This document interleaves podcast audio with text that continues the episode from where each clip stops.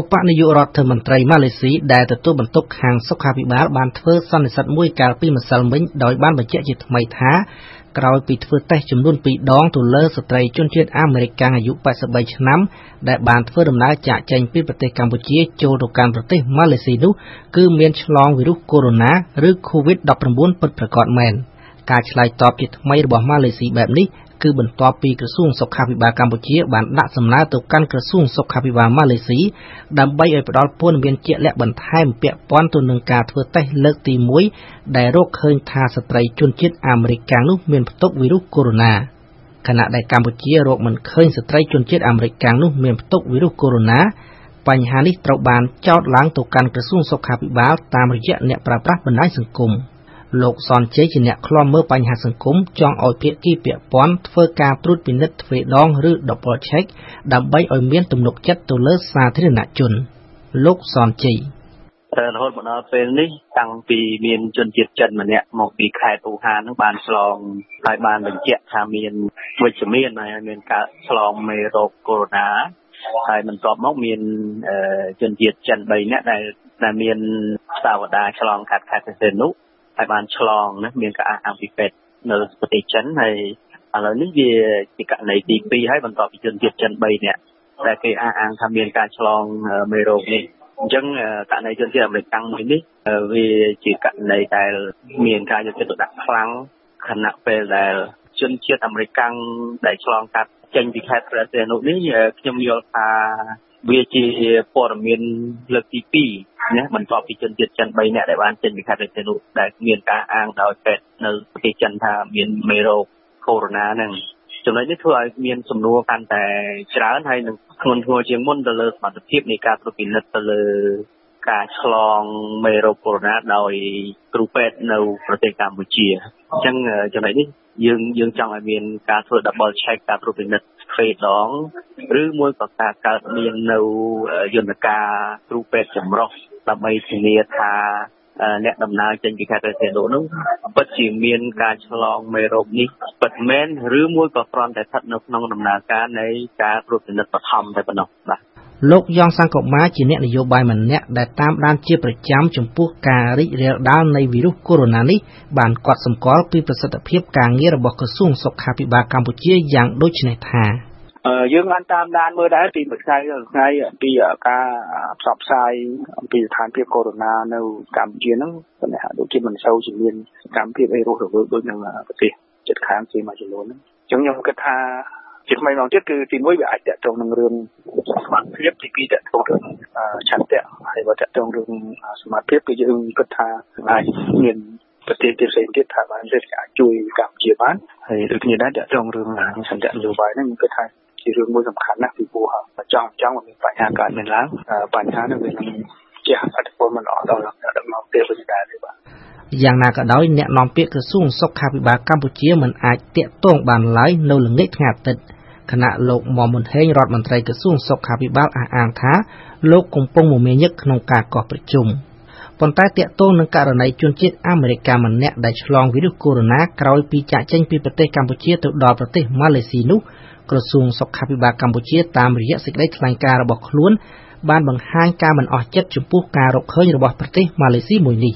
ក៏ប៉ុន្តែក្រសួងសុខាភិបាលកម្ពុជាបានអះអាងថាខ្លួននៅតែបន្តតាមដានរោគរោគជាប្រចាំករណីដែលសង្ស័យទៅលើអ្នកទេសចរដែលជិះតាមនាវា Amsterdam ហើយចូលចតនៅខេត្តបរសែននោះដែលត្រូវចាកចេញពីប្រទេសកម្ពុជានៅថ្ងៃទី16ខែកុម្ភៈសម្រាប់លោកយ៉ងសង្គមាថ្លែងថាជារួមគឺខ្ញុំមិនទាន់មាន ឃើញភាពច្បាស់លាស់ក្នុងការត្រៀមខ្លួនរបស់ក្រសួងសុខាភិបាលដូចជា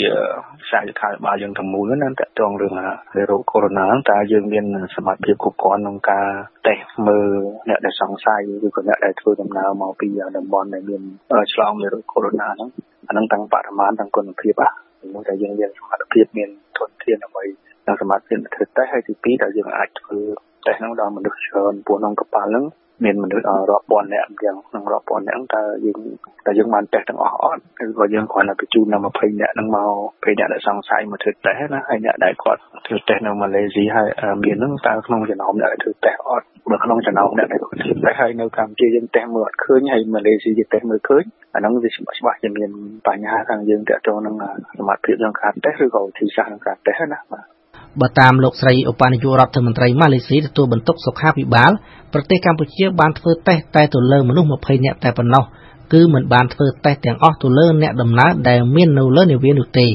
ដូច្នេះហើយបានជាប្រទេសម៉ាឡេស៊ីត្រូវតែធ្វើតេស្តទៅលើមនុស្សផ្សេងទៀតដែលចាក់ចេញពីប្រទេសកម្ពុជាពេលទៅដល់ប្រទេសម៉ាឡេស៊ី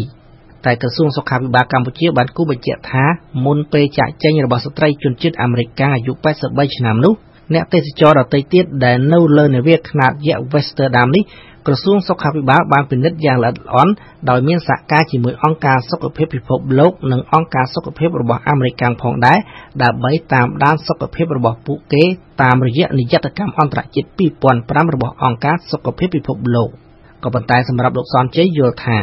មេរោគកូវីដ -19 វាជាវិបត្តិសម្រាប់ពិភពលោកដូច្នេះសមាជិកមួយនៃប្រទេសនៅក្នុងពិភពលោកមុខពុំសូវបារម្ភគឺជាសិទ្ធិក៏ប៉ុន្តែពិភពលោកគេបានបង្ហាញនៅសញ្ញាអាសន្នចំពោះមេរោគកន្តៃឆាវនេះអញ្ចឹងរឿងដែលសំខាន់នោះគឺជាពិសេសបទពិសោធន៍ថ្មីថ្មីនេះរឿងករណីជនជាតិអាមេរិកម្នាក់ដែលបានឆ្លងកាត់ខេត្តប្រទេសនោះ ដែលតាមរយៈកប៉ាល់ទេសចរចូលចរនេះខ្ញុំយល់ថាយើងចង់ឃើញភាគីទី3ទី4លោកដៃក្នុងរឿងនេះជាពិសេសគឺប្រទេសដែលមាន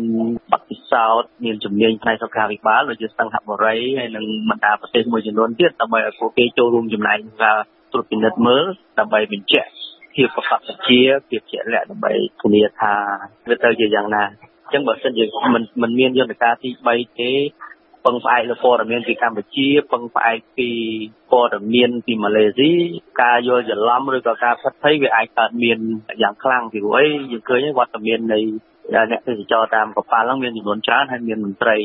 រដ្ឋាភិបាលរបស់កម្ពុជាហ្នឹងបានចូលរួមនៅក្នុងដំណើរការទទួលនេះច្រើនគួរសមរួមទាំងលោកនាយករដ្ឋមន្ត្រីផងអញ្ចឹងវាច្បាស់ណាស់ត្រូវតែមានការគូបញ្ជាក់ដើម្បី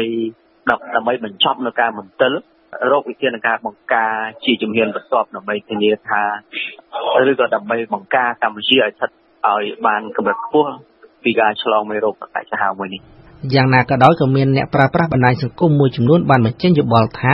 ការដែលម៉ាឡេស៊ីរកឃើញវីរុសកូវីដ -19 ទៅលើជនជាតិអាមេរិកដែលចាក់ចេញពីកម្ពុជានោះ អាចជាហេតុផលមួយដែលមានចេតនាបំបាក់កិត្តិយសកម្ពុជាដែលបានអនុញ្ញាតឲ្យនាវាទេសចរមួយនេះចូលចតនៅខេត្តប្រសែនុបន្ទាប់ពីប្រទេសផ្សេងទៀតធ្វើការបដិសេធក៏ប៉ុន្តែសម្រាប់លោកយ៉ងសង្គមាមិនយល់ឃើញយ៉ាងដូចនេះឡើយខ្ញុំមិនគិតថាប្រទេសម៉ាឡេស៊ីក៏ធ្វើយ៉ាងទេហើយម៉ាឡេស៊ីក៏ជាប្រទេសមួយជាមិត្តល្អរបស់កម្ពុជាជាសមាជិកអាស៊ានដូចគ្នាហើយកប៉ាល់អត់មានតាក់ទងម៉ាឡេស៊ីផងដោយតាមខ្ញុំដឹងគឺកប៉ាល់ Westerdam ហ្នឹងគឺគាត់ចង់ គ្រោងចូលចតនៅថៃនៅហ្វីលីពីននៅតៃវ៉ាន់នៅអីណានោះអញ្ចឹងអញ្ចឹងវាដូចអត់មានតាក់ទងហើយណាមួយឥឡូវគាត់តេស្តលើកទី2ហើយអញ្ចឹងអានឹងចង់អញ្ចឹងវាឲ្យអ្នកផ្សេងចិត្តទៀតតេស្តទៅឲ្យប្រទេសផ្សេងឬក៏ការបានផ្សេងចិត្តតេស្តទៅទៀតដើម្បីបង្កើនភាពច្បាស់លាស់ពេលខ្លះយើងគួរទទួលស្គាល់ចំណុចខ្វះខាតរបស់យើងហើយសហការជាមួយប្រទេស ដៃគូដោយអង្គការសុខភាពពិភពលោកហើយយើងត្រូវបង្កើនការប្រុងប្រយ័ត្នខ្លាំងមើលយើងមើលតែវៀតណាមវៀតណាមប្រយ័ត្នខ្លាំងជាងគេបំផុតផងក្នុងតំបន់អាស៊ានយើងទីជិតខាងយើងហ្នឹងដើម្បីការពារអាការផ្ទុះនឹងវីរុសកូវីដ -19 ជាថ្មីម្ដងទៀតគឺយើងត្រូវតែបង្កើននៅសមត្ថភាពរបស់យើងបង្កើននៅការត្រៀមឲ្យបានល្អប្រសើរព្រោះវាជារឿងមួយដែលយើងមិនដឹងថាមានស្អីកើតឡើងមួយទៀតហើយកាលណាវាកើតមានឡើងច្បាស់ជាមានបញ្ហាធ្ងន់ធ្ងរដល់ប្រទេសជាតិយើងហើយមិនតែរឿងប្រទេសជាតិយើងរឿងជាពិភពលោកទាំងមូលតែម្ដង យ៉ាងណាក៏ដោយតាមរយៈទំព័រ Facebook នៃនាយកដ្ឋានប្រយុទ្ធប្រឆាំងជំងឺឆ្លងនៃក្រសួងសុខាភិបាលបានវិតម្លៃថាហានិភ័យនៃការឆ្លងរាលដាលវីរុសកូវីដ -19 នៅកម្ពុជាគឺមានកម្រិតទាបនៅឡើយដោយសារតែភ្ញៀវទេសចរដែលបានធ្វើដំណើរចាក់ចេញពីចិនដីគោកមានហុងកុងឬម៉ាកាវគឺត្រូវបានដាក់ឲ្យដាច់រលែកនៅក្នុងការតាមដានរយៈពេល14ថ្ងៃមុនពេលពួកគេឡើងកប៉ាល់ តែក្រសួងសុខាភិបាលបានរកឃើញថាមានមនុស្សតែ20នាក់ប៉ុណ្ណោះដែលមានអាការៈផ្លូវដង្ហើមស្រាលគឺរោគសញ្ញានៃបញ្ហាក្រពះពោះវៀនក៏ប៉ុន្តែលទ្ធផលនៃពិធីពិសោធន៍របស់ក្រសួងសុខាភិបាលកម្ពុជា គឺមនុស្ស20នាក់នោះមិនមានឆ្លងវីរុសកូវីដ -19 ឡើយ។